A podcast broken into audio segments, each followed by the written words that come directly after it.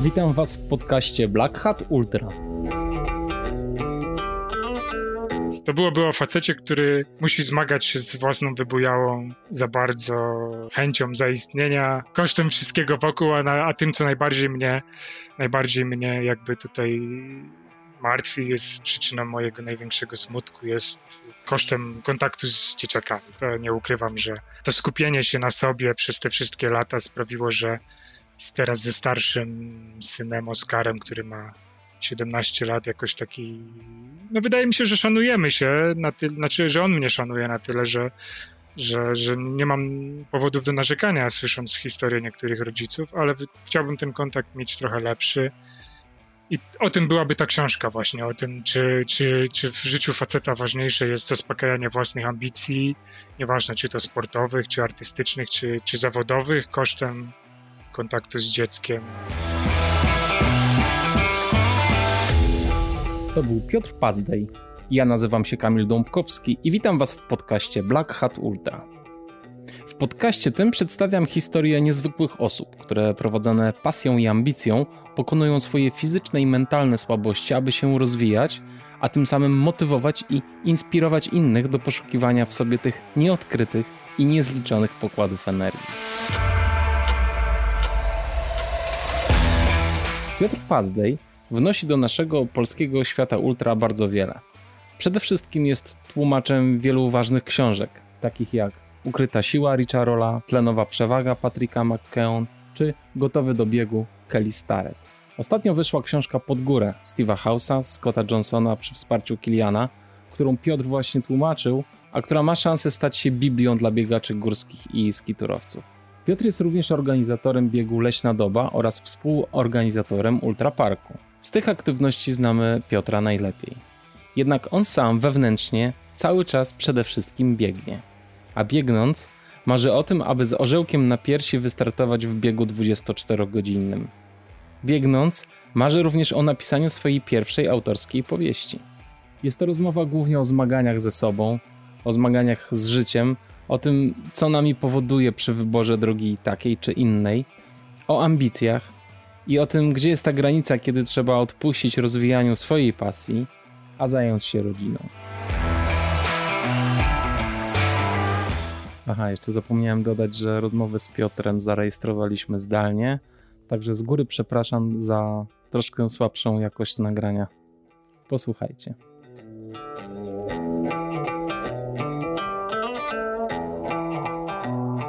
Cześć Piotr, witam cię serdecznie. Cześć Kamil, hej, dzięki. Dziękuję bardzo, że poświęciłeś, że chciałeś poświęcić dzisiaj trochę czasu na, na wywiad dla Black Hat Ultra. Doceniam to bardzo, dziękuję. Wiem, że lubisz ten czas z rodziną spędzać. Jak dzisiaj twój dzień minął? Maluszek w przedszkolu, a teraz u dziadków. Starszego poprosiłem o udostępnienie komputera, a Magdalena pracuje, więc, więc jest okej, okay. jest, może mamy chwilę dla... Dla siebie, no to fajnie. Posłuchaj, jesteś e, człowiekiem, który w ultra siedzi nie od dziś i pełnisz e, tutaj w naszym polskim świecie ultra dużo różnych funkcji, e, bardzo ciekawych i takich nieoczywistych, no bo biegasz oczywiście, potrafisz biegać po 800 kilometrów w miesiącu, jak to miało miejsce w sierpniu, gdzieś tam wyczytałem. Tak, tak, no. Jesteś organizatorem zawodów, I jesteś też tłumaczem. Przetłumaczyłeś e, chyba w sumie 8 książek. Nie wiem, czy wszystkie z zakresu biegania. Tam, tam chyba o, jest o oddychaniu jedna, prawda? Była e, tlenowa przewaga. Tlenowa przewaga. Tak. I, i były dwie o treningu siłowym. Jakby to mhm. taka wypadkowa jeszcze moich wcześniejszych zainteresowań, bo wcześniej jakby no, kulturystykę uprawiałem przez kilkanaście lat. O. I odświeżyłem sobie troszkę wiadomości, przypomniałem nowe rzeczy, znaczy nauczyłem się nowych rzeczy i wydawnictwo mi dało też dwie książki o treningu no to, siłowym. Aha, do przetłumaczenia w tym tak, sensie. Tak, tak, tak. Yy, fajnie. A opowiedz w ogóle, yy, bo jeszcze można zaobserwować na Facebooku to, że masz naprawdę lekkie pióro i zdecydowanie, wiesz, proza to jest to, co jest chyba twoją gdzieś tam ukrytą albo może nieukrytą pasją. E, po części pewnie realizujesz się jako tłumacz. Opowiedz w ogóle, jak to pisarstwo się pojawiło u ciebie? Czy to od, od młodych lat przejawiałeś już takie inklinacje Mm, tak, no już w szkole podstawowej jakby. Znaczy jeszcze wtedy nie byłem świadomy tego, że to jest, e, e, że to można pod literackie, pod talent literacki pod, pod, podciągnąć, ale już wtedy pamiętam, e, pisałem wypracowania najdłuższe w klasie i pani z polskiego nawet to zawsze będę to powtarzał, mówiła, śmiała się, że będzie mi wystawiała dwie oceny. Jedną za, za treść, a drugą za długość. I, ale ja, no ja lubiłem. Zawsze mi te zdania jakoś tak się układały same. To jakoś tak potrzebowałem chwili na, na, na, na rozpoczęcie i, i, dalej już jakoś to szło i te zdania jedno za drugim się pojawiały i te rzeczy, wypracowania rzeczywiście były, były długie, ale to też jakby było. Ja też dużo bardzo czytałem. Ja mhm. to akurat zawdzięczam tacie, który chyba od małego, odkąd pamiętam, podsuwał mi jakieś książki i, i ja dużo czytałem i to było, to była rzecz, która poza, jak już później zająłem się kulturystyką, to czytanie, czytanie też wciąż było ważne i też no, dużo czasu spędzałem czytając i ale jeszcze do końca szkoły, dopiero w technikum jakoś tak zacząłem myśleć o tym, że może z tym pisaniem dałoby się jakoś związać przyszłość. Pomyślałem o dziennikarstwie, ale no, życie troszkę inaczej się potoczyło jakby. A jak się potoczyło? No, potoczyło się tak, że najpierw e, pojawiła się praca, to jeszcze były czasy mm, siłowni, kiedy myślałem, że będę drugim Arnoldem i, i hmm. pojawiła, się, pojawiła się praca na stacji benzynowej i jakby mając e, pierwsze tam zarabiane własne pieniądze mogłem przeznaczyć więcej na odżywki i na tego typu rzeczy. I jakby mocno się zaangażowałem w tą siłownię i trwało to kilka lat, tych pierwszych po szkole, po technikum. E, jakby odstawiłem całe to myślenie nawet, bo to jeszcze wtedy nie było nic e, takiego pisanego, literackiego. Odstawiłem to zupełnie na bok, skupiłem się na siłowni no, wraz z zakończeniem tej pracy i brakiem środków finansowych na kontynuowanie. Ja wtedy w ogóle nie miałem wiedzy takiej, jakoś to było wszystko tak spontanicznie, jakoś nie, nie. Zresztą to były też takie czasy, pamiętam w siłowni w Łodzi, nie, nie będę tu mówił w której, jak pojechałem, powiedziałem, że chciałbym być zawodnikiem, to popatrzono na mnie, i powiedziano, no jeszcze dwa lata brania sterydów i wróć do nas i będziemy coś myśleć. Takie to były czasy. No. Może miałem, nie miałem szczęścia, nie trafiłem na odpowiednią osobę, która by mnie pokierowała, usiadła, powiedziała, co trzeba zrobić. Skoro skończyła się praca, nie było pieniędzy na te sterydy, więc, więc, więc zacząłem, mówię, dobra, no to w takim razie kulturystyka nie jest dla mnie. No, nie stać mnie na to, żeby być zawodnikiem. Tak. I, i zacząłem pracować i wtedy poszedłem na, wróciły jakby te myśl, moje marzenia na temat pisania i życia z pisania. I zacząłem studia na Uniwersytecie Jagiellońskim. To było dwuletnie studium literacko-artystyczne. I to był taki, no wydawało mi się, że wtedy, że to już wtedy właśnie będę z tym pisaniem, że to już jest ten moment, że, że to jest ta szkoła i, i tam poznałem paru fajnych ludzi Marka Bieńczyka między innymi, ale jakoś tak po tej szkole zaraz, no nie wiem, może troszkę mój, bo na koniec tej szkoły, na koniec drugiego roku był konkurs literacki organizowany, bo zbiegło się to z dziesięcioleciem studium literacko-artystycznego i był konkurs literacki, w którym otrzymałem wyróżnienie i i wydawało mi się, że już to wyróżnienie, to już złapałem Pana Boga za nogi, że to już zaraz będzie ta książka wydana, bo to była wspaniała przecież powieść ale okazało się, że no poza tym wyróżnieniem tak naprawdę nikogo nie interesuje to moje pisanie wtedy w tym momencie. I taki poczułem troszkę zawód chyba i jakby zbiegło się to jednocześnie z wyjazdem moich znajomych, dobrych kolegów y, do Szkocji. Mhm. powiedzieli, czy, znaczy zapytali, czy, bo znałem już wtedy angielski na, na, na, na takim poziomie, lepszym od nich, czy bo chcą tam rozwijać firmę i czy nie pojechałbym z nimi. Hmm. No i pojechałem i byłem w tej Szkocji przez prawie trzy lata.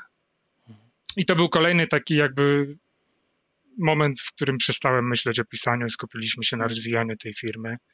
I kolejny etap, taki zostałem od tego pisania oderwany. Gdzieś tam ono cały czas się pojawiało, cały czas tam sobie lubiłem czytać, bo przez pierwsze półtora roku byłem w Szkocji sam. Magdalena z Oskarem byli tutaj w kraju. Oskar miał wtedy półtora roczku dopiero. I No i czytałem dużo, no bo tam nie pracowaliśmy przecież całymi dniami, czytałem dużo, jakby cały czas myślałem o tym pisaniu, ale, ale te realia życia tam i, i, i, te zarobki w funtach były na tyle atrakcyjne, że też wydawało mi się, że no już będę tym hydraulikiem do końca życia w Szkocji i że będzie super świetnie.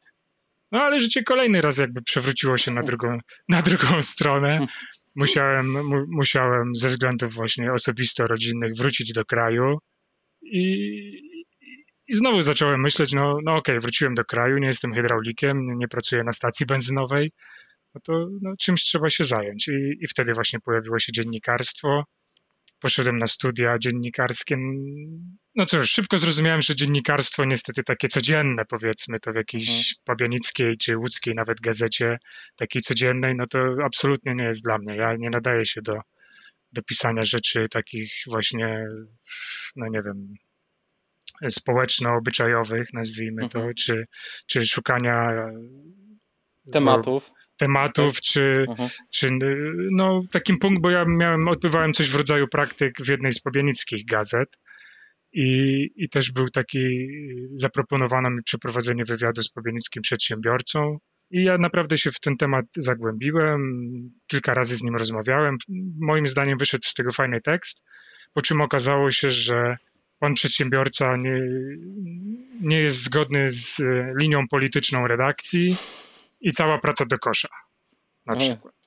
To był jakby kolejny taki czynnik, który kazał mi myśl, dał mi do zrozumienia, że no jednak to, to chyba nie jest tędy, tędy mhm. droga, a że jakichś branżowych pism o sporcie czy o bieganiu, jakby wtedy było tylko chyba Runner's World, nie pamiętam już teraz, ale, ale no jakby nie było szansy na takie pisanie, więc ale z tego co mówić, to właśnie to pisanie i sport cały czas się przewie, przewijał gdzieś tam w twoim życiu. Wiesz, jak ja y, zobaczyłem, jak ty piszesz na Facebooku i że masz takie inklinacje do, do prozy, do opowiadania historii, i potem zobaczyłem tytuły książek, które tłumaczysz, to troszeczkę, y, wiesz, miałem takie, taki, taki rozstrzał, bo tłumaczysz bardzo techniczne książki i się zastanawiam, teraz troszeczkę rozumiem e, po tym, że powiedziałeś, że, mm, że ćwiczyłeś e, kulturystykę. Wiem, że kulturyści mega wchodzą w tematy e, diety, w tematy znajomości własnego ciała i tak dalej i może, i może tutaj troszkę tam podłapałeś takiej dużo konkretnej wiedzy na temat treningu,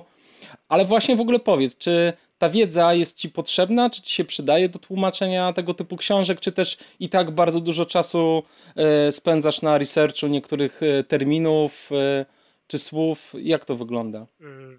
Wiedza nie. Raz, że jakby nie należy do osób, które mają taką pamięć długotrwałą i, i, i dużo rzeczy jakby no nie, nie pamiętam, muszę je sobie przypominać, ale z tego mojego uprawiania sportu i najpierw kulturystyki, a teraz biegania od tych paru lat, y, najbardziej w tłumaczeniu przydaje mi się takie wyczucie, wyczucie tematu jakby. Mm, mhm. Y, no, wiem na przykład, że e, kiedy należy kiedy należy bardziej w jakiś na przykład aspekt jakiegoś, e, jakiegoś tam akapitu czy zdania, które jest w oryginalne uproszczone, troszkę, troszkę pasowałoby pogrzebać, bo może tu jednak autor zbyt, nazbyt uprościł i coś mi tu nie pasuje i zaczynam, i zaczynam doszukiwać, jeżeli się taki, taka rozbieżność pojawia pomiędzy, pomiędzy już nawet nie językowa, bo, bo to są inne jakby aspekty jeszcze, ale pomiędzy przekazem, jaki, jaki płynie z oryginału, a tym, jaki według mnie powinien być dla polskiego czytelnika, no to zaczynamy tam z panią redaktor i z redaktorem prowadzącym zastanawiać się, jak to zrobić, żeby żeby no nie, no jednak tekst jest tekstem, tak, to jest, to jest napisana przez autora, y, przez, napisany przez autora tekst, nie można go za bardzo zmieniać, no, ale, ale tu jakby przy, właśnie przydaje się to, nie sama wiedza, tylko mhm. E, bo ja na przykład nie pamiętam dokładnie, jak działa metabolizm tlenowy mhm. czy metabolizm beztlenowy. No te mechanizmy są tak skomplikowane, że trzeba byłoby naprawdę się tym, tylko tym chyba interesować, jednym wycinkiem fizjologii człowieka, żeby, mhm. to, żeby to w każdej chwili móc idealnie wytłumaczyć. Więc takie rzeczy mocno techniczne muszę sobie przypominać tam. Tak, no, ale... A jak, jak w ogóle postrzegasz tę książkę pod górę? E, czy ona rzeczywiście, powiem Ci szczerze, no ona mi się strasznie podoba. Ona właśnie opowiada bardzo dużo takich podstaw, o których wiele książek nie mówi e, dotyczących treningu. Ona właśnie mówi o tym, jak funkcjonuje, jak funkcjonuje nasze ciało. E, I to jest no, niezmiernie fajna wiedza i też przedłożona w dosyć taki sposób dla każdego. Nie jest, jest, jest to czytelne i zrozumiałe. Na, powiedz na tak jak patrzysz na inne książki, te, które tłumaczyłeś i może te, które znasz, jak oceniasz tę książkę pod górę?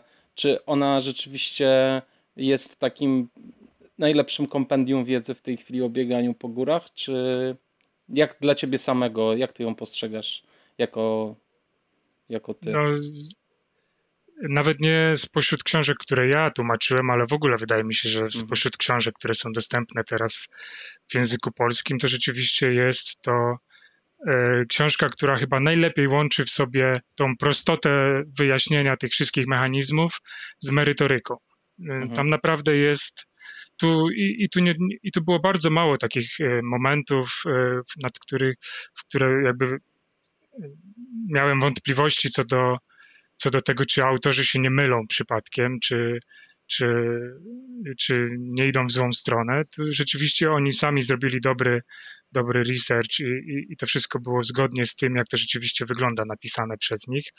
A, także ta książka, no, tak naprawdę, tak jak tam mówiłem ostatnio, y, ta książka w zasadzie się tłumaczyła sama. Ona była, mhm. tak, ona była już tak napisana po angielsku, że naprawdę przetłumaczenie jej na polski no wymagało oczywiście, no, język polski jest językiem zupełnie inaczej skonstruowanym niż język angielski i nie da się słowo w słowo y, przetłumaczyć żadnej książki, ale naprawdę tu mieliśmy tu ogromne też podziękowania dla Grzesia Saczomskiego, który był konsultantem i który też naprawdę każdą moją wątpliwość rozwiewał w zasadzie, ale tak jak mówię, nie było ich aż tak dużo, jak przy innych pozycjach, mhm. gdzie rzeczywiście były momenty takie, że zastanawiałem się, kurczę, no chyba to jest, chyba jest nie tak. No i z konsultantem musieliśmy się mocno zastanawiać, mhm. czy, czy to zrobić w ten sposób, czy w tamten. Tutaj rzeczywiście mhm. parę tylko takich rzeczy tam o skiturach, czy, czy, czy, czy tego typu sprawach, o których no ja o narciarstwie nie mam za, dużego pojęcia, nigdy nie, nawet co dobrze nie jeżdżę na nartach, więc tutaj musiałem się trochę z Grzesiem konsultować częściej, ale cała reszta była napisana tak zgrabnie i, i, i zgodnie z tym, zgodnie z wiedzą, jaka jest w tej chwili. Także... No, no właśnie, ta książka też jest trochę wymagająca, bo jest taka pokusa, żeby od razu przejść do ostatniego rozdziału i, i zobaczyć, jak trzeba, jak trzeba trenować, to co ja muszę zrobić, żeby być tym Kilianem a, e, a ta książka właśnie nie za bardzo na to pozwala. Ona jest wymagająca o tyle, że naprawdę trzeba tę książkę przerobić, a potem, owszem, można sobie samemu nawet skonstruować plan treningowy, ale jednak tę wiedzę, która jest wcześniej opisana w książce, trzeba, trzeba się z nią zapoznać i trzeba ją dobrze zrozumieć, żeby to zrobić z głową. E, bardzo, bardzo fajna, bardzo fajna pozycja, ale tak, e, nie jest, nie jest łatwa, to nie jest droga na skróty i i jest e, przez to właśnie bardzo, bardzo wartościowa. E, także serdecznie Ci dziękuję, że jesteś tym cichym bohaterem e, treningów naszych teraz, bo sporo osób się do mnie odzywa i się pyta to jak trenować. I ja odkąd ta książka wyszła, jeszcze jak nie było jej po polsku, polecałem wersję angielską. Teraz, teraz bardzo się cieszę, że jest po polsku i, i super dzięki za tę robotę w pierwszej chwili, kiedy, kiedy Marek Janiak z wydawnictwa Galaktyka przysłał mi, e, przysłał mi ten tekst, e, e, no, nie chciałem tego, w ogóle nie chciałem zajmować się tłumaczeniem w tym momencie, ponieważ to, był, to była jesień 2019. Ja byłem wtedy w, w trakcie przygotowań do mojego wielkiego wyzwania, jakim było bieg 24-godzinny, moja chęć zdobycia kwalifikacji na Spartatlon i, i tak sobie myślałem, że kurczę, jak chcę się skupić na bieganiu, a jednak tłumaczenie książki to jest wyzwanie. Nawet widząc, że ta książka jest napisana tak powiedzmy bezproblemowo dla tłumacza, że nie będzie to wymagało takiego właśnie co chwilę, co na, na każda strona nie będzie wymagała sprawdzania tego gdzieś tam w internecie czy, czy, czy w podręcznikach akademickich, to, to, to nie chciałem, ale y, między innymi Grzesio i też ja sam jakby poczytałem o tej książce i, i mówię, no kurczę, no szkoda byłoby zmarnować taką okazję, bo to wygląda na pozycję, która będzie naprawdę wartościowa i, i mówię, no szkoda byłoby tak troszkę tutaj egoistycznie podszedłem do tematu. E, kurczę, no ktoś inny będzie później się cieszył tym, że tą książkę przetłumaczył, więc mówię, dobra, jakoś to, jakoś to pogodzę. Porozmawiałem z Magdaleną, pogadałem w firmie e, i mówię, i powiedziałem, że będę potrzebował trochę czasu jednak tej zimy na, na tłumaczenie też, mimo mhm. że zas, zastrzegałem się parę miesięcy wcześniej, że na razie kończę z tłumaczeniem, bo teraz to bieganie jest najważniejsze. No ale, ale, ale cieszę się, bo tak jak mówię, no ta książka nie sprawiła mi jakichś problemów, nie, nie mhm. musiałem zarywać nocek, żeby ją przetłumaczyć, tylko w tym zaplanowanym czasie udało się to zrobić. No, publikacja troszkę się przeciągnęła przez sytuację na wiosnę, bo ona miała się ukazać w maju, ale wydawnictwo z powodu pandemii stwierdziło, że przesunie premierę na, na, na wrzesień i, mhm. i, i, i tak, no właśnie, także bardzo się cieszę, że to, że to wziąłem to tłumaczenie teraz. A ile czasu w ogóle zajęło ci tłumaczenie tej książki? Ona jest dosyć obszerna. O, ciężko to wyliczyć. Znaczy tam mhm. od momentu, kiedy, kiedy powiedziałem, że e, biorę tą książkę do zakończenia wszystkich prac, czyli już e, złożenia końcowego PDF-a i wysłania go, i który był już gotowy do druku, minęło 6 miesięcy, około tak mniej więcej. Hmm. Ale mojej pracy takiej czysto tłumaczeniowej tam były może 4 miesiące. Z tym, że no to, mhm. tak jak mówię, to nie był, tłumaczenie nie jest pracą na pełny etat jeszcze cały czas, tylko tak. jakby moim dodatkowym zajęciem. A na cały etat co robisz? Na cały etat nic nie robię. Najlepiej.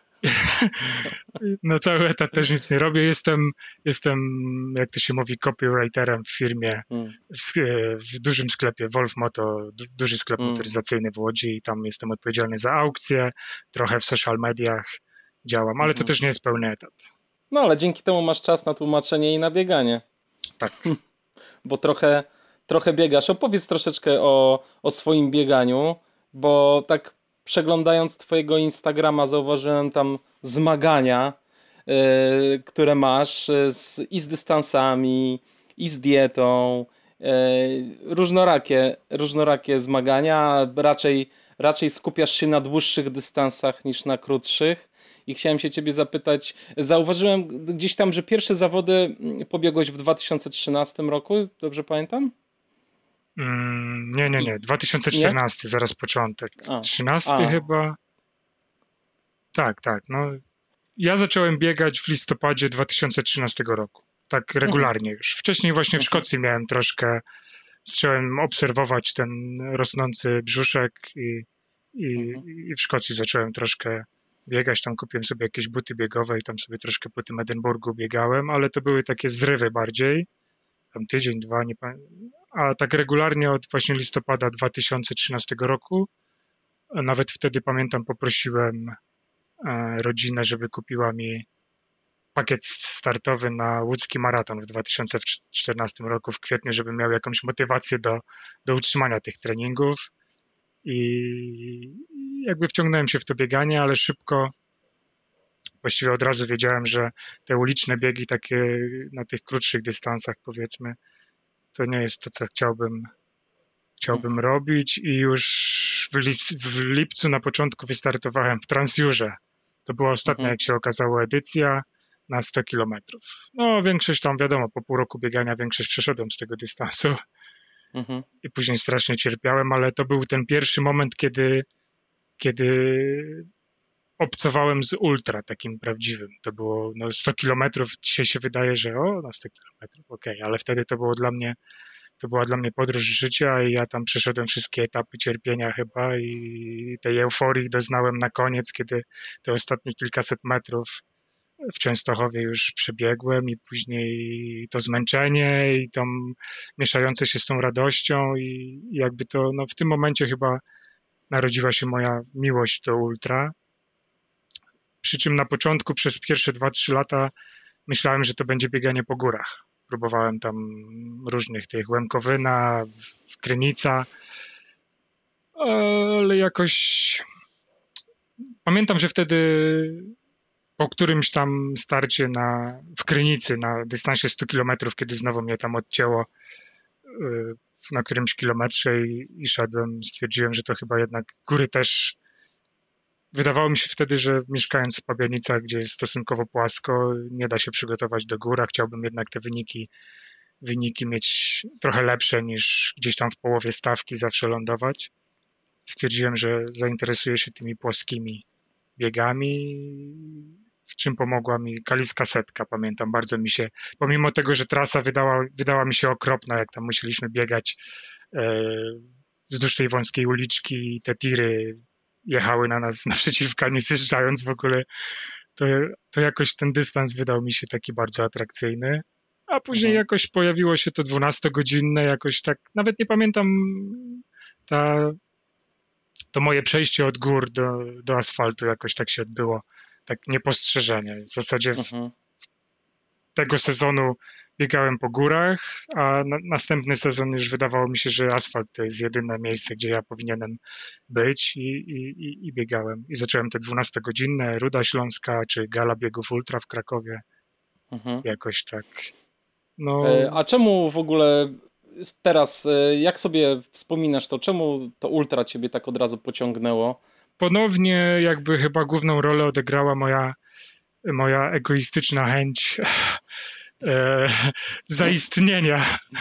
Okay. Zrozumiałem, że w takim maratonie ulicznym, czy w ogóle już na taką dychę, żeby, żeby pokazać się, żeby mnie ktoś zauważył, czy ze znajomych, czy żeby pochwalić się dobrym wynikiem, to już jestem trochę za stary i chyba nie z tymi młodymi, młodszymi młodszymi nie, nie, nie dorównam. Źle znosiłem, pamiętam, zawsze nie podobało mi się e, to cierpienie, ten wysiłek, który trzeba było na jakichś interwałach czy na czymś, a to bieganie ultra jakieś takie na tym powiedzmy tam, ten poziom intensywności przez większość zawodów jest stosunkowo niski i, i stwierdziłem, że tu jest y, nie tylko łatwiej, ale i, znaczy łatwiej, bo jest i, i właśnie to tempo jest łatwiejsze do utrzymania, takie, żeby zrobić dobry wynik, ale też jest dużo, dużo mniejsza konkurencja. Mhm, okay. Jak, tak, jak ja mam, wiesz, e, w kilkutysięcznym tłumie biec, a wśród mhm. kilkudziesięciu osób to jest trochę inaczej. Łatwiej jest zostać dostrzeżonym i, i, i łatwiej jest zabłysnąć. No. no. A do dzisiaj, który z Twoich biegów uważasz za swój największy sukces w takim razie? Mm, no, bezapelacyjnie to jest e, supermaraton stulecia sprzed dwóch lat, z 2018 roku, mhm. który, który wyszedł mi w 110%, ponieważ celem moim, moim marzeniem, odkąd jakoś tak w zasadzie nie wiem skąd to się pojawiło, było złamanie 10 godzin na 100 kilometrów. Mhm. I wydawało mi się to takim coś takim jak dla ulicznych biegaczy jest 3 godziny w maratonie, tak tu mi się wydawało, że jak te 10 godzin to jest taki próg, próg wejścia na wyższy poziom jakby, tak, w ultra.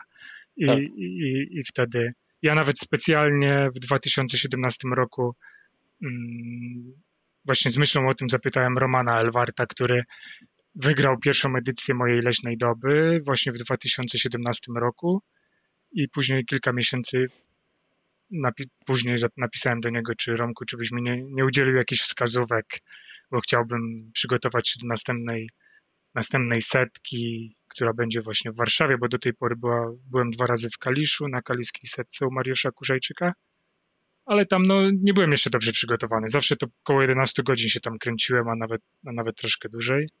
Mhm. I Roman powiedział, że okej, okay, spoko, nie tylko tam udzielę ci wskazówek, ale, ale zostanę twoim trenerem, będę ci rozpisywał plan treningowy i, i, i, i po tych kilku, to było, w, zaczęliśmy od czerwca i w listopadzie wystartowałem w tym supermaratonie stulecia i nie tylko te 10 godzin udało mi się złamać, ale też blisko 9 się wtedy mm. zakręciłem, bo było 9-12. A ten wynik umożliwiał y, wejście na Spartatlon, czy jeszcze nie? To był, znaczy mogłem wziąć udział w losowaniu. I mhm. oczywiście, oczywiście wziąłem, bo wydawało mi się, że przecież, no kurczę, skoro mogę, to, to czemu nie? Mhm. I, ale no nie wylosowali mnie wtedy.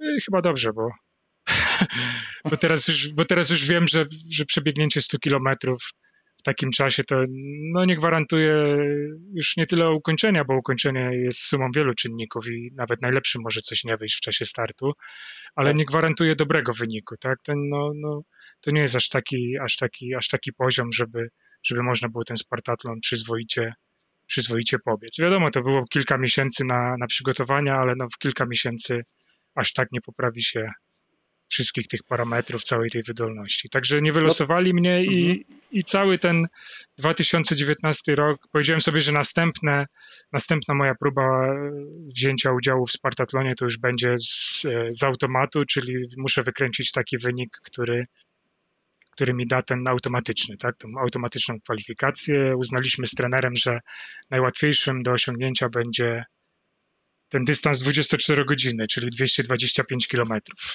No i cały, okay. praktycznie cały 2019 rok to była, to była praca ukierunkowana na to, aby w styczniu 2020 roku w Atenach te 226 kilometrów przebiec. No, nie wyszło. Mhm. Krótko mówiąc, nie wyszło i ani w Atenach, ani podczas dwóch kolejnych prób, czyli w Belgii i teraz całkiem niedawno we wrześniu w Holandii no coś mhm. się dzieje, coś po kilku godzinach, tak mniej więcej 9-10, y, coś, coś się dzieje. Odcina mnie, tracę, tracę siły, nie mm. wiem. A teraz jest w ogóle już jakoś bardzo dziwnie, bardzo, bardzo kiepsko, bo o tyle, o ile te miesiące wszystkie mogłem biegać i trenowałem i tak jak wspomniałeś w sierpniu nawet te 800 kilometrów wykręciłem i, i czułem się świetnie i jeszcze zorganizowaliśmy ultrapark na koniec sierpnia no to teraz nie mogę nawet 5 kilometrów przebiec. Coś jest, hmm. coś jest mm, tętno momentalnie, już na pierwszym kilometrze tętno jest pod 150, a, a kończę te 5 kilometrów z jakimiś bólami, z jakimś osłabieniem strasznym, także trzy tygodnie w zasadzie nie... Tak, no, no są różne, różne są tutaj, jakby spróbuję cały czas konsultować tą kwestię, badam się, dzisiaj nawet miałem EKG serca robione, wczoraj robiłem, przedwczoraj, przepraszam, robiłem krzywą cukrową, żeby zobaczyć, czy czasem insulinooporności się nie nabawiłem, bo jeszcze nie wspomnieliśmy, ja przez 3 lata byłem przekonany, że ketoza jest jedynym słusznym sposobem odżywiania w ultra i że dieta wysokotłuszczowa e, da mi ten, tą energię potrzebną do utrzymania tego wysiłku na takim poziomie mhm. E, poniżej progu tlenowego, tak, przez te 24 godziny i że, i że to jest rozwiązanie. No.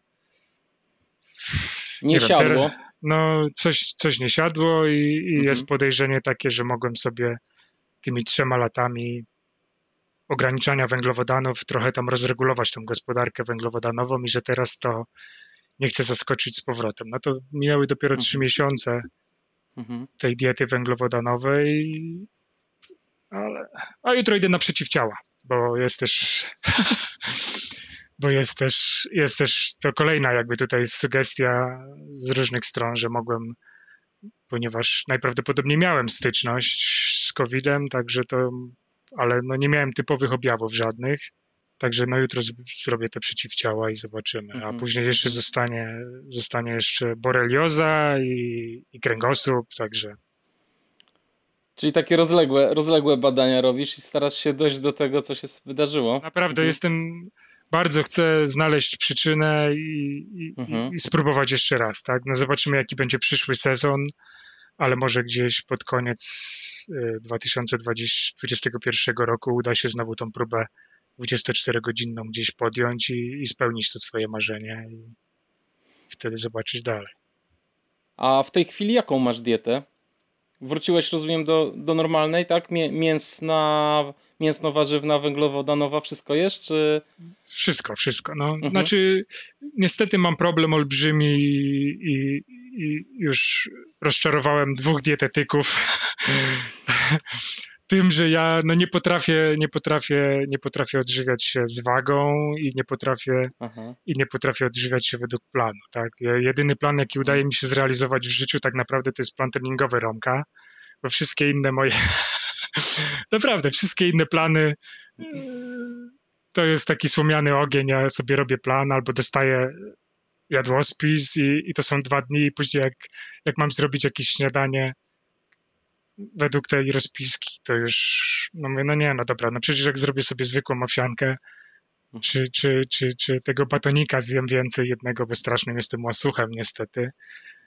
Jakby nie chcąc przedłużać niepotrzebnych frustracji tych dwóch wspaniałych dietetyków, z którymi współpracowałem, pozdrawiam, stwierdziłem, że no dam, dam sobie spokój, bo, bo pytają mnie na przykład po dwóch tygodniach, jakie są efekty, jak się czuję, a ja jestem, a ja muszę powiedzieć, że no przepraszam cię, ale no nie zrealizowałem tej diety, więc jakby no...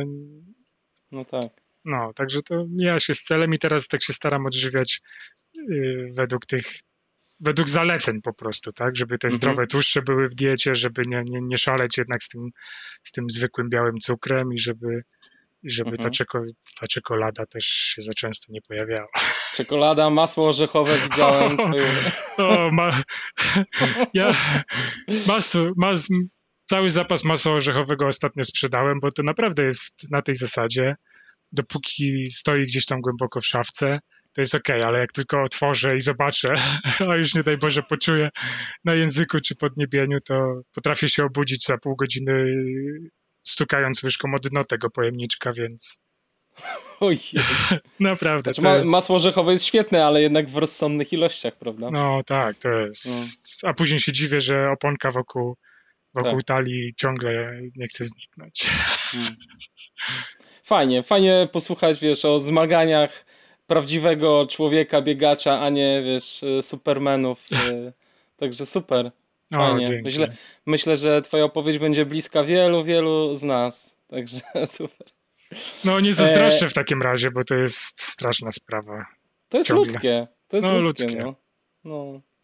Słuchaj, e, a opowiedz w takim razie skąd się u ciebie pojawiła chęć organizacji zawodów? E, czy tutaj też chciałeś zabłysnąć na, na polu ultra i się wyróżnić? O, czy to już jest tak widoczne? No tak, tak. Nie, znaczy... wiesz, to dwukrotnie o tym powiedziałeś, słuchaj, ja tylko cytuję.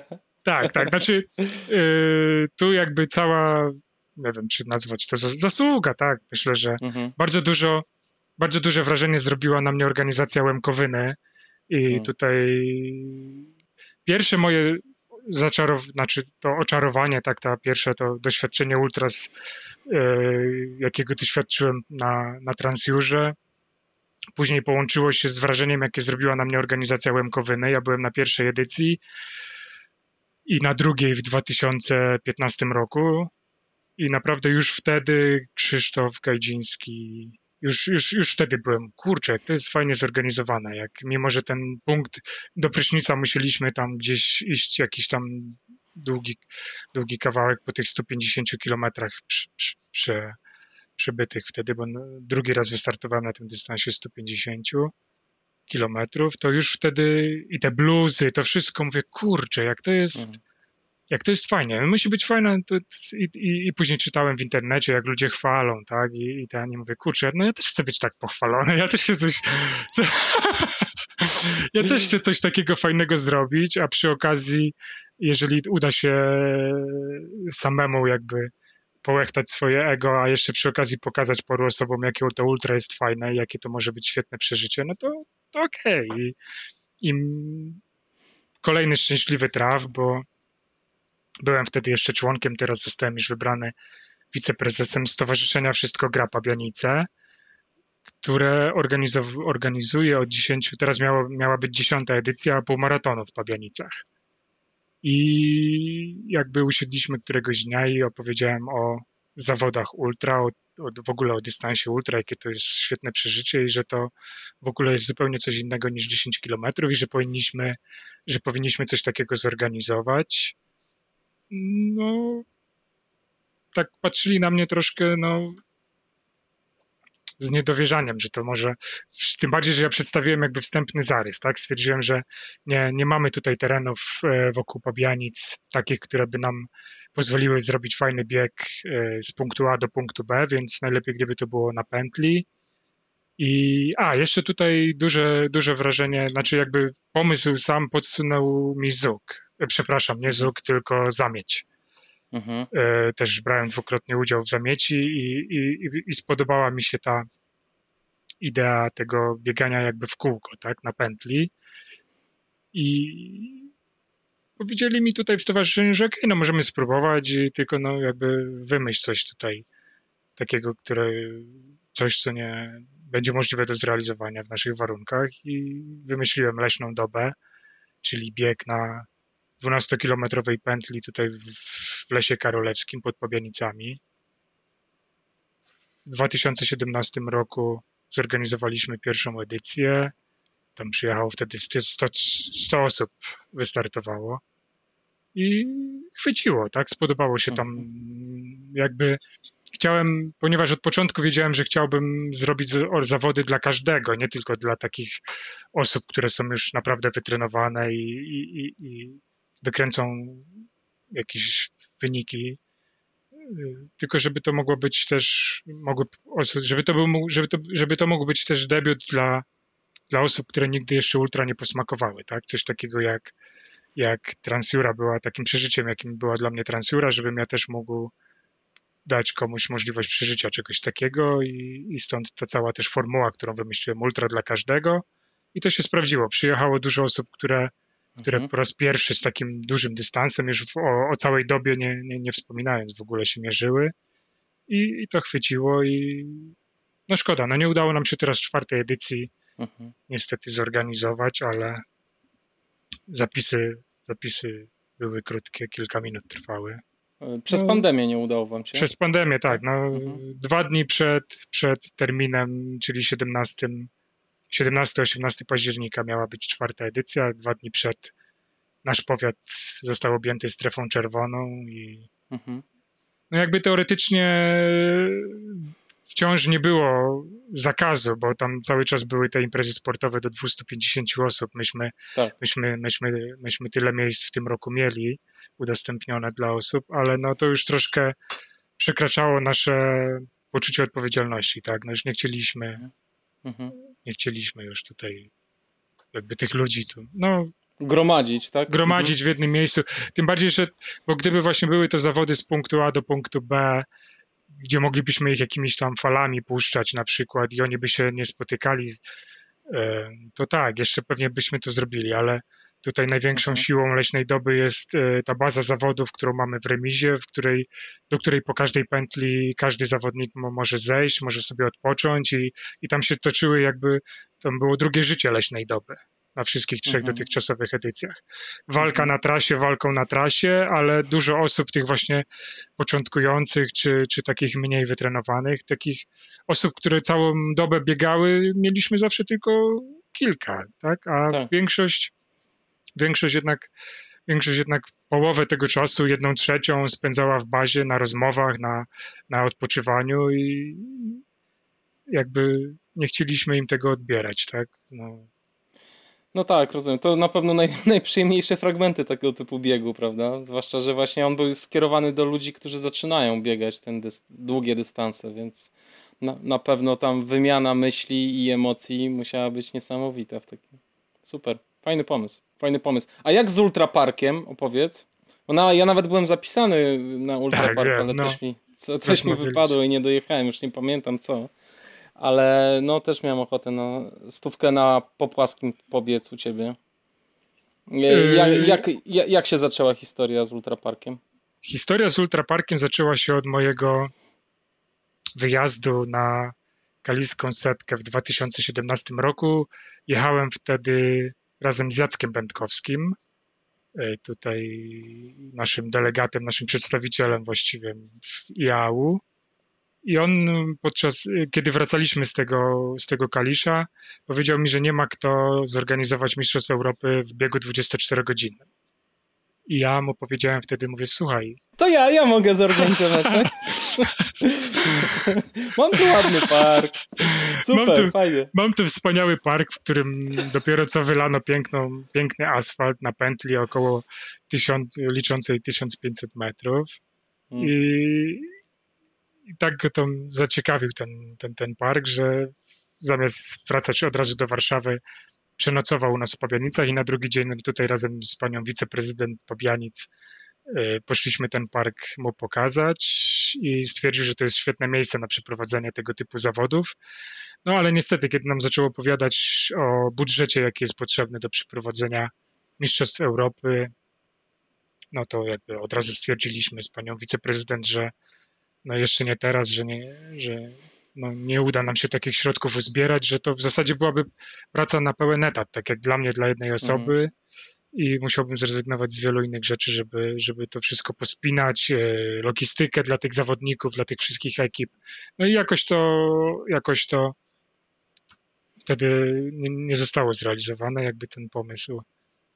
I, ale cały czas ta idea tych zawodów tutaj w parku gdzieś mi tam w głowie się kołatała i kolejny szczęśliwy zbieg okoliczności sprawił, że mam wśród znajomych Piotrka Kardasa, który też jest ultrasem z zamiłowania i opowiedziałem mu o tym pomyśle i zaraziłem go w zasadzie tą ideą całą i to właśnie Piotrek powiedział, że chciałby też, żeby takie zawody w Pabianicach się odbyły i przejął cały ciężar jakby zorganizowania zorganizowania najpierw i później wymyśliliśmy, wymyśliliśmy nazwę wspólnie, logo, i tak pomału, mhm. pomału, no i Piotr jakby ze swoim stowarzyszeniem, ze swoim klubem sportowym, o co biega, to, to przejął. Ja zostałem koordynatorem tych zawodów, jakby prawą ręką Piotra, ale, ale to cały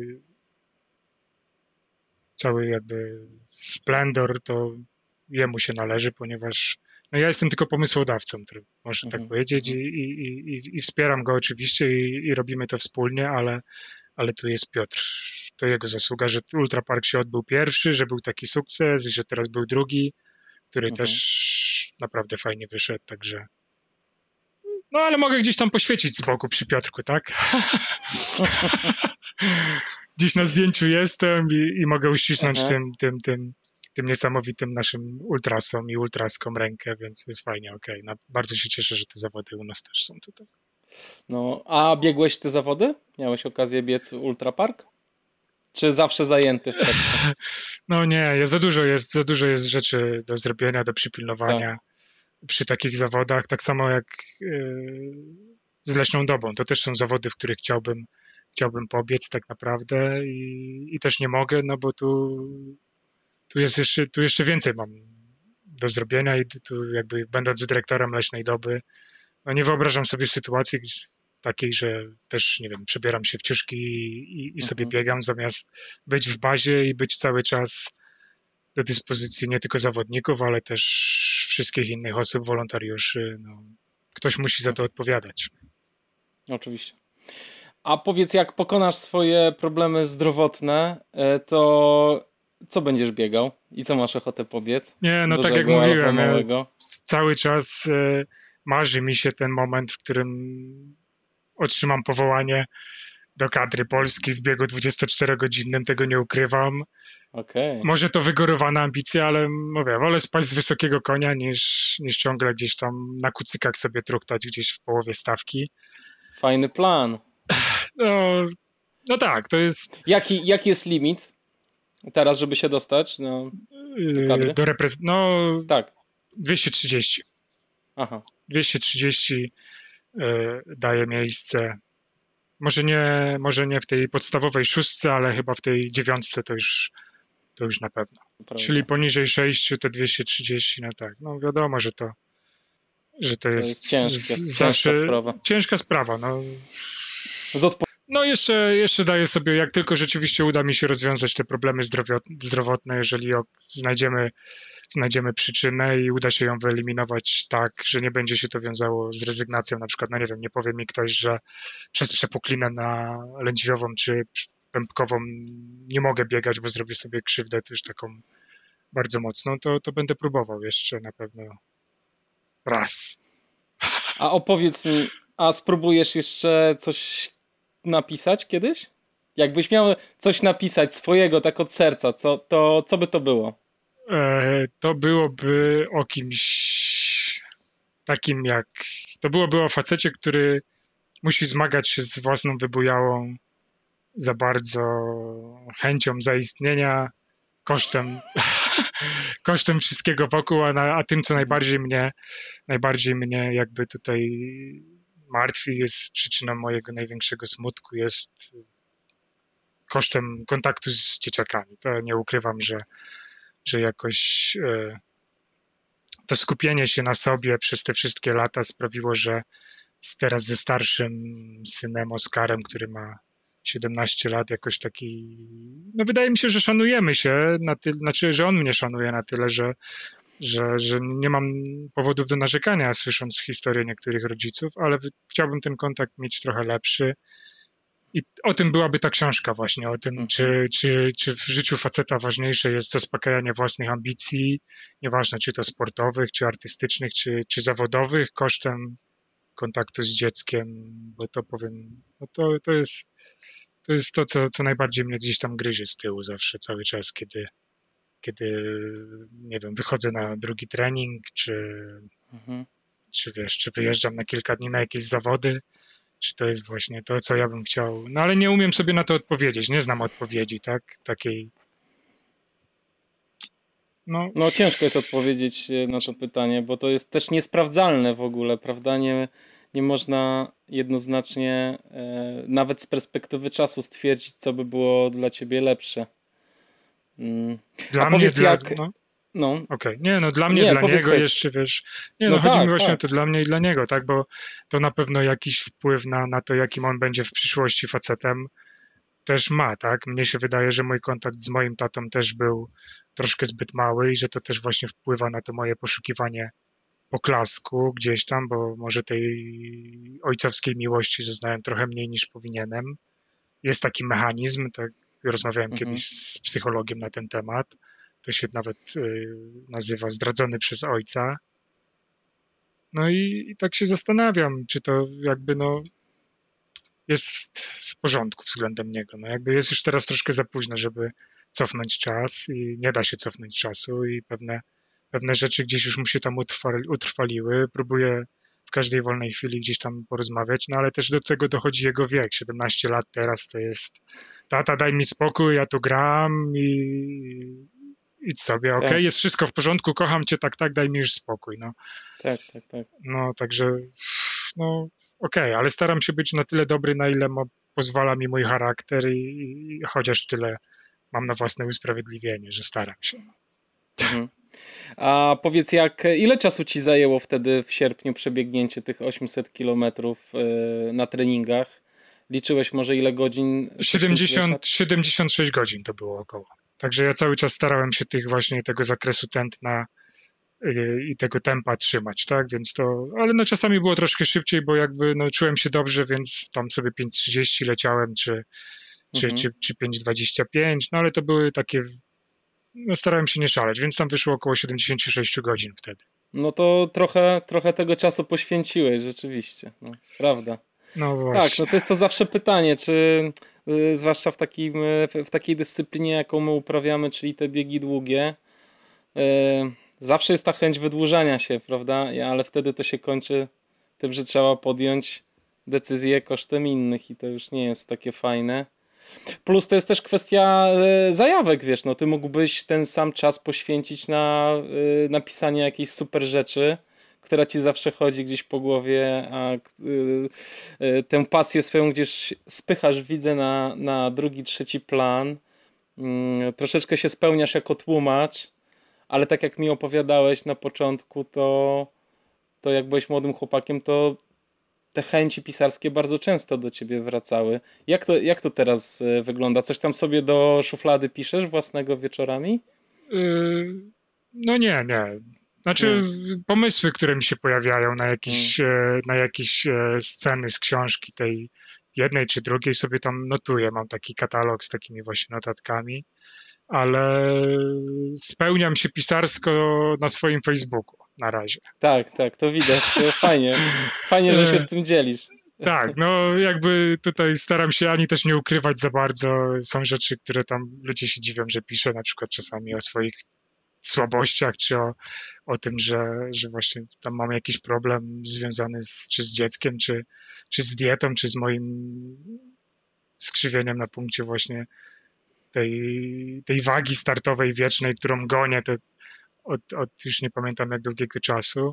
I to jest jakby ten mój taki zawór bezpieczeństwa i, i, i chociaż chociaż nie jest to do końca, no wolałbym napisać książkę, wiadomo, tą powieść i zobaczyć ją wydaną i, i, tylko, żeby moje nazwisko było na okładce, a nie gdzieś tam na stronie tytułowej e, jako tłumacza, to to daje mi trochę tam tego literackiego, możliwość literackiego wyżycia się na co dzień.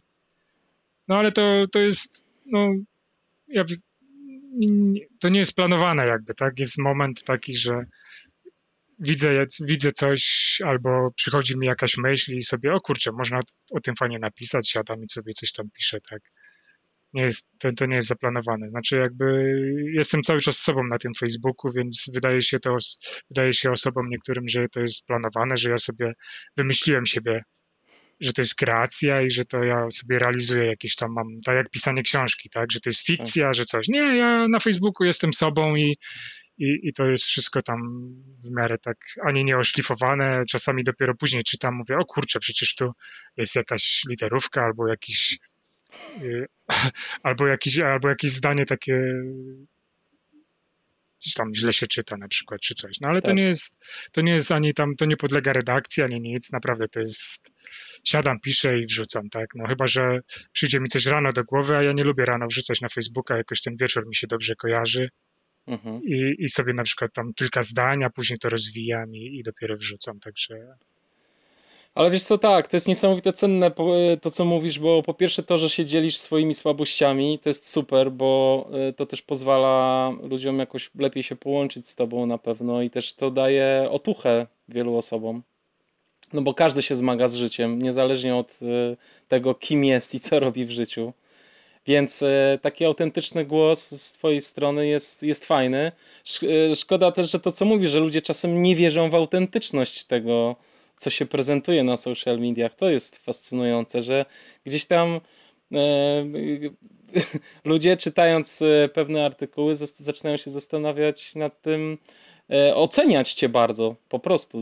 Wiesz, jak, jak komuś coś wychodzi, to od razu ktoś myśli, że on to robi profesjonalnie i że właściwie w związku z tym, że robi to profesjonalnie, to nie powinien popełniać błędów, nie wiem, powinien to robić bardziej regularnie albo no cokolwiek. E, tymczasem ty po prostu się tym bawisz i, i, i pokazujesz swoje serducho. Jest część osób, które jakoś nie, nie doceniają tego, ale większość na szczęście docenia. Większość tak, docenia. większość docenia i jakiś czas temu sobie zdałem sprawę z tego, że, że czytam je o wiele, znaczy, że nie można ani moich jakby tekstów, czy tego, czym się dzielę, ani też pewnie wszystkiego, e, co się pojawia w internecie, oceniać tylko pod kątem reakcji czy liczby komentarzy. Bo jest naprawdę no. dużo osób, które czytają. Zresztą ja sam tak mam, że czytam coś jest naprawdę fajne i, i jakoś tak jestem oszczędny w rozdawaniu w tak. rozdawaniu e, serduszek, czy, czy lajków, czy, czy komentowaniu. I, i, tak, I tak samo jest z tymi moimi wpisami, że też później się na przykład dowiaduję od kogoś w prywatnej rozmowie czy gdzieś, ale wiesz co tam, przeczytałem to, co napisałeś, no i, i później przez tydzień chodziłem i myślałem o tym, co tam na temat tam relacji z tatą napisałeś w Dniu Ojca, czy, czy o przyjaźni, tam jak był jakiś Międzynarodowy Dzień Przyjaźni, tak? Ale jakby no nie, zostawił, nie zostawiła ta osoba ani razu y, żadnego śladu po sobie i, i byłem zdziwiony. Mówię, naprawdę to ty czytasz, co ja piszę? No czytam każde, co tam to piszesz. No, super. wiem, wiem dokładnie o czym mówisz, tak, ale to, a ty co myślisz? Ty chciałbyś, żeby więcej osób komentowało twoje posty? Chciałem. Y, na mhm. początku, jak, jak, jak sobie wymyśliłem, że będę, że tego Facebooka będę traktował w taki, a nie inny sposób, czyli właśnie takie bardziej jako mój, mój pamiętnik i takie miejsce, w którym właśnie spisuję swoje, swoje, zmagam się ze swoimi demonami, tak? A że robię to publicznie, okej, okay, w porządku, to nawet może być bardziej motywujące. To na początku wydawało mi się, wchodziłem i mówię, jak, pięć lajków tylko? Przecież minęła już godzina? O, bez sensu, nie robię tego. Ale to było tak, przez kilka miesięcy takie coś trwało, a teraz właśnie po tych y, po tych rozmowach z, paro, z paroma osobami zdałem sobie sprawę, że że to właśnie okej, okay, no, no fajnie byłoby zobaczyć, nie wiem, tysiąc lajków i, i, i 150, znaczy komentarzy to może nie, bo ile to byłoby czasu na odpowiadanie trochę. Czy, mhm. ja też mam nawet w tej chwili czasami się zastanawiam i tak na siłę coś odpowiadam, bo martwię się, że jakaś osoba, która skomentowała, no to chciałaby jakiejś reakcji z mojej strony, tak, żeby tak. No, no to chociaż tego lajka temu komentarzowi zostawiam, ale, ale już przestałem zwracać uwagę na to, ile mam reakcji pod, pod, y, pod tekstem. O, absolutnie mnie już to w tej chwili nie. Mhm. nie, nie no, jest to dosyć. Te algorytmy w tej chwili tak działają, że niestety, jak ty wrzucasz posta, to, y, to on jest od razu widoczny dla 5% Twoich followersów, i dopiero jak y, widać, że ktoś zareaguje, zalajkuje, skomentuje, to jest to puszczane dalej i szerzej. O, okay. I to jest takie. Rzeczywiście warto lajkować. Także, kochani, jeśli słyszycie to warto, warto lajkować, jeszcze bardziej warto komentować, bo wtedy głos Piotra roznosi się szerzej. A już najlepiej zaszerować u siebie na, y, u siebie na wallu. O, Także ja was serdecznie ja was serdecznie namawiam. Piotr twierdzi, że nie, ale wiemy jaki jest skromny. Już go poznaliśmy od tej strony.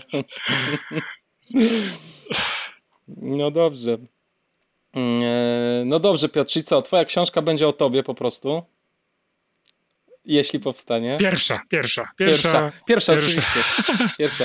Pierwsze rzeczy zawsze są najbardziej osobiste, dopiero potem człowiek idzie dalej. Tak, ja jeszcze potrzebuję, wiesz, jedną z rzeczy poza czasem powstrzymującą mnie przed takim e, powiedzeniem sobie, ok, siadam i piszę, jest e, lęk przed porażką na, na polu literackim też jakby.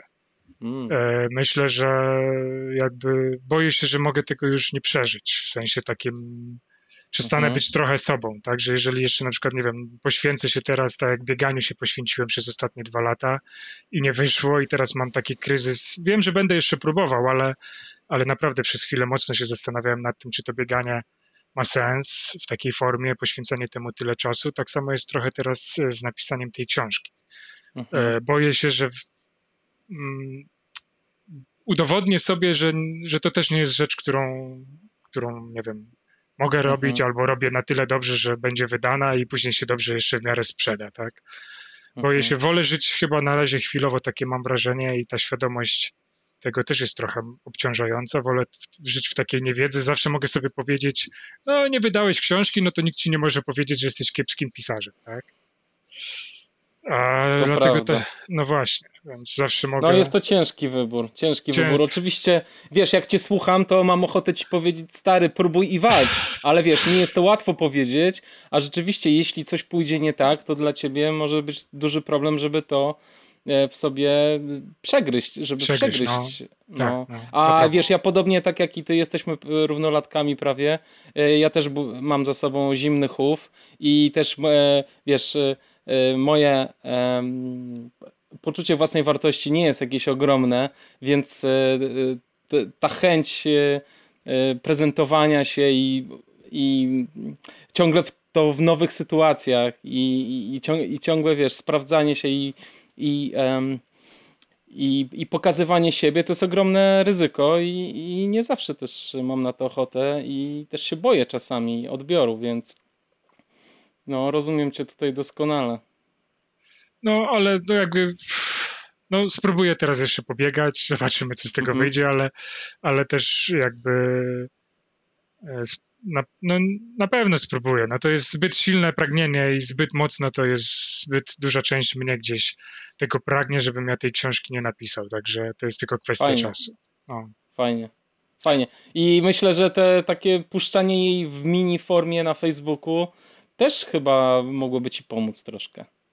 E, takimi małymi, wiesz, tak, fragmentami tak, tak, sprawdzasz tak, tak, reakcję tak. ludzi i patrzysz jak to, jak wiesz, to jest teraz super sposób na, to jest trochę mi to przypomina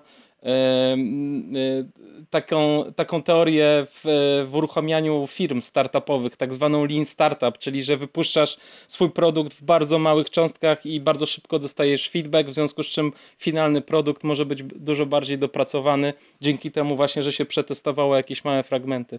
Więc może podejdziesz tak lean startupowo do swojej książki dzięki social mediom i odniesiesz sukces od razu. Bam! O. Życzę ci tego, stary. O, dziękuję bardzo. No, No, jest to jakiś, jest to jakaś koncepcja. jest to jakaś koncepcja, tak, no, warto się A ty w ogóle jak social media postrzegasz? Czym one są dla ciebie? Są czymś e, dobrym, złym e, i czym są dla ciebie? I jak z nich korzystasz? Czy, czy potrafisz z nich korzystać tak, że potem nie masz poczucia, że o Jezus, mi trężyłem pół dnia? No nie, nie. Znaczy dla mnie Facebook, bo jakby social media w moim przypadku to tylko z Facebook i Instagram. Mhm. Y, Przy czym Instagram jest taki typowo, typowo biegowy. Znaczy, dopóki biegałem, to w zasadzie był tylko biegowy. Teraz troszkę tam przemycam takich właśnie poza, poza tych spraw takich y, pozabiegowych, czyli tam tak jak dzisiaj byłem na badaniu, czy, czy wczoraj, przedwczoraj, przepraszam. Ale Facebook jest jakby dla mnie narzędziem takim pozwalającym mi zaistnieć nieco bardziej. Tak? Wiem, że jest ileś tam tych osób, które przeczytają ten mój wpis, wiem, że, że, że, że wybijam się trochę ponad tą przeciętność gdzieś tam, że nie, nie, udostęp, nie udostępniając, y, nie biorąc udziału w łańcuszkach, jestem takim, no, znaczy, mój Facebook jest moim, moim, moim odbiciem. Myślę, że e, osoba taka psychiatra czy psycholog, e, gdyby tam posiedział, poczytał, to, to wiedziałby, jakim jestem człowiekiem. Tak? To, to, to Mhm. jest moje takie. Ja to traktuję jako jakie, e, takie przedłużenie wirtualno-cyfrowe samego siebie, tak, że mogę gdzieś w Mhm. tą przestrzeń, przestrzeń, e, przestrzeń wirtualną się z, załadować, w- że tak brzydko powiem, i, i przenieść się na ten właśnie istnieć w, tej, w, tym, w tym wymiarze wirtualnym. Tak? Nie, nie tylko tutaj jestem sobie Piotrkiem w Pawianicach mieszkającym, tylko właśnie gdzieś tam w tej sieci krążę jako też jako ja, no bo nie mam żadnego, No nie, nie, nie, chciałbym jako tam, nie wiem, Piotr w 666 czy, czy, czy, czy coś w tym stylu krążyć, bo no, no nie po to, nie po to, nie po to jakby nie zaspokoiłbym wtedy, no co z tego, że Piotr 666 byłby najpopularniejszym blog, blogerem na YouTubie czy, czy gdzie indziej, skoro wychodząc przed blog, nikt by nie wiedział, że to ja jestem tym Piotrem 666. Jaki to sens w ogóle jest? No, no tak. Także, także tak traktuję te, te, te, te social media właśnie, że to Mm. mogę się gdzieś tam Fajnie, fajnie, fajnie, że właśnie, że to jest z twojej strony bardzo autentyczne i myślę, że e, bardzo potrzeba nam takich kont, które nic nie udają. Także super. Dziękuję ci serdecznie, życzę ci spełnienia twoich marzeń Dziękuję biegowych i, i, i pisarskich i rodzinnych i spełnienia i dziękuję ci bardzo za poświęcony czas. Ja dziękuję za zaproszenie, naprawdę cieszę się, że mogłem się tu pokazać i dzięki wielkie, naprawdę bardzo dziękuję. Fajnie, ja też dziękuję, było niezmiernie miło z tobą rozmawiać i do zobaczenia może gdzieś na jakichś zawodach w takim razie. Do zobaczenia, no, miejmy. Trzymaj się, dziękuję serdecznie. Dzięki, cześć. Pozdro, cześć, pa. Dzięki.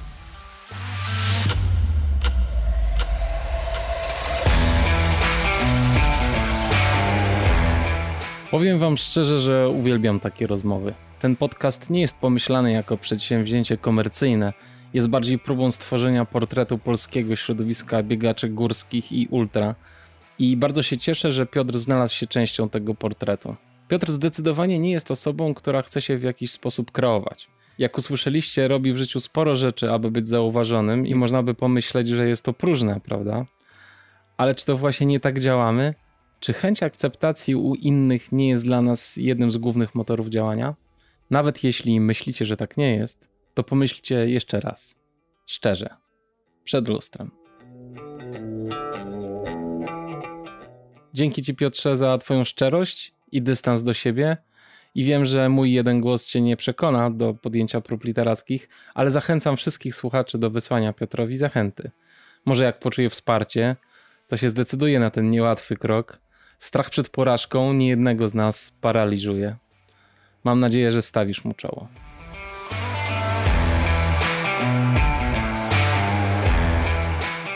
Dziękuję serdecznie za wysłuchanie tego podcastu. Jeśli podoba Wam się to, co robię, gorąco namawiam do wsparcia podcastu finansowo na patronite.pl ukośnik Black Hat Ultra. Jedynym finansowym źródłem wsparcia tego podcastu jesteście Wy, słuchacze. Dlatego bardzo doceniam każdy wkład. a najniższy próg wsparcia to tylko 5 zł. Dokładny link znajdziecie w opisie odcinka. Podcast można również wspierać w mediach społecznościowych, udostępniając informacje o nim w postach, relacjach i na tablicach. W tej chwili podcast na Patronite wspiera już ponad 100 osób, ale chciałbym wymienić tutaj alfabetycznie nazwiska tych, których wkład miesięczny jest największy. Są to Agnieszka Barczyk, Krzysztof Bednarz, Adam Bogdał, Magdalena Czernicka, Agnieszka Dudek, Andrzej Gąsiorowski, Bieta Chryń-Morawska, Michał Janiak, Paweł Kaczmarek, Przemysław Kozłowski, Szymon Kubicki, Agnieszka Łęcka, Marek Maj, Wojtek Mąka, Michał Mężykowski, Wojciech Pietrzok, Łukasz Różanowski, Kamil Sowiński, Marcin Stafaniak, Przemysław Strąg i Edyta Winnicka. Powiem Wam, moi drodzy patroni, że dzisiaj przyszły do mnie czapki z logiem Black Hat Ultra. Te czapki są przeznaczone tylko i wyłącznie dla Was, dla patronów podcastu. I niedługo dostaniecie maila i spróbujemy się jakoś umówić na przekazanie tych czapeczek, także oczekujcie na kontakt ode mnie. Chciałem się podzielić z Wami jeszcze jednym nowym projektem. Stworzyłem kurs nagrywania podcastów. Jest to projekt komercyjny skierowany do osób anglojęzycznych na razie opublikowałem darmowy mini kurs, żeby stworzyć wokół kursu społeczność, zabrać oceny, uwagi i sugestie. Jeżeli interesuje Was ten temat, albo jeśli bylibyście tak mili, aby podzielić się tą informacją o tym kursie z Waszymi znajomymi, to byłoby wspaniale. Kurs nazywa się PodDoc Course i jest to skrót od Podcast Doktor. Pewnie nazwa mogłaby być lepsza, Teraz myślę, że chyba niepotrzebnie wyrzuciłem z nazwy Black Hata, ale na razie jest jak jest, więc zapraszam na stronę www.poddogcourse.com i serdecznie dziękuję z góry za zainteresowanie i za wsparcie. Jeżeli jeszcze tu jesteś, to powiedz, jak się czujesz? Właściwie, jak się nad tym zastanowić, to zawsze jest dobrze. Pada ci na głowę? Nie. Jest ci ciepło? Jest. Masz co jeść? Masz.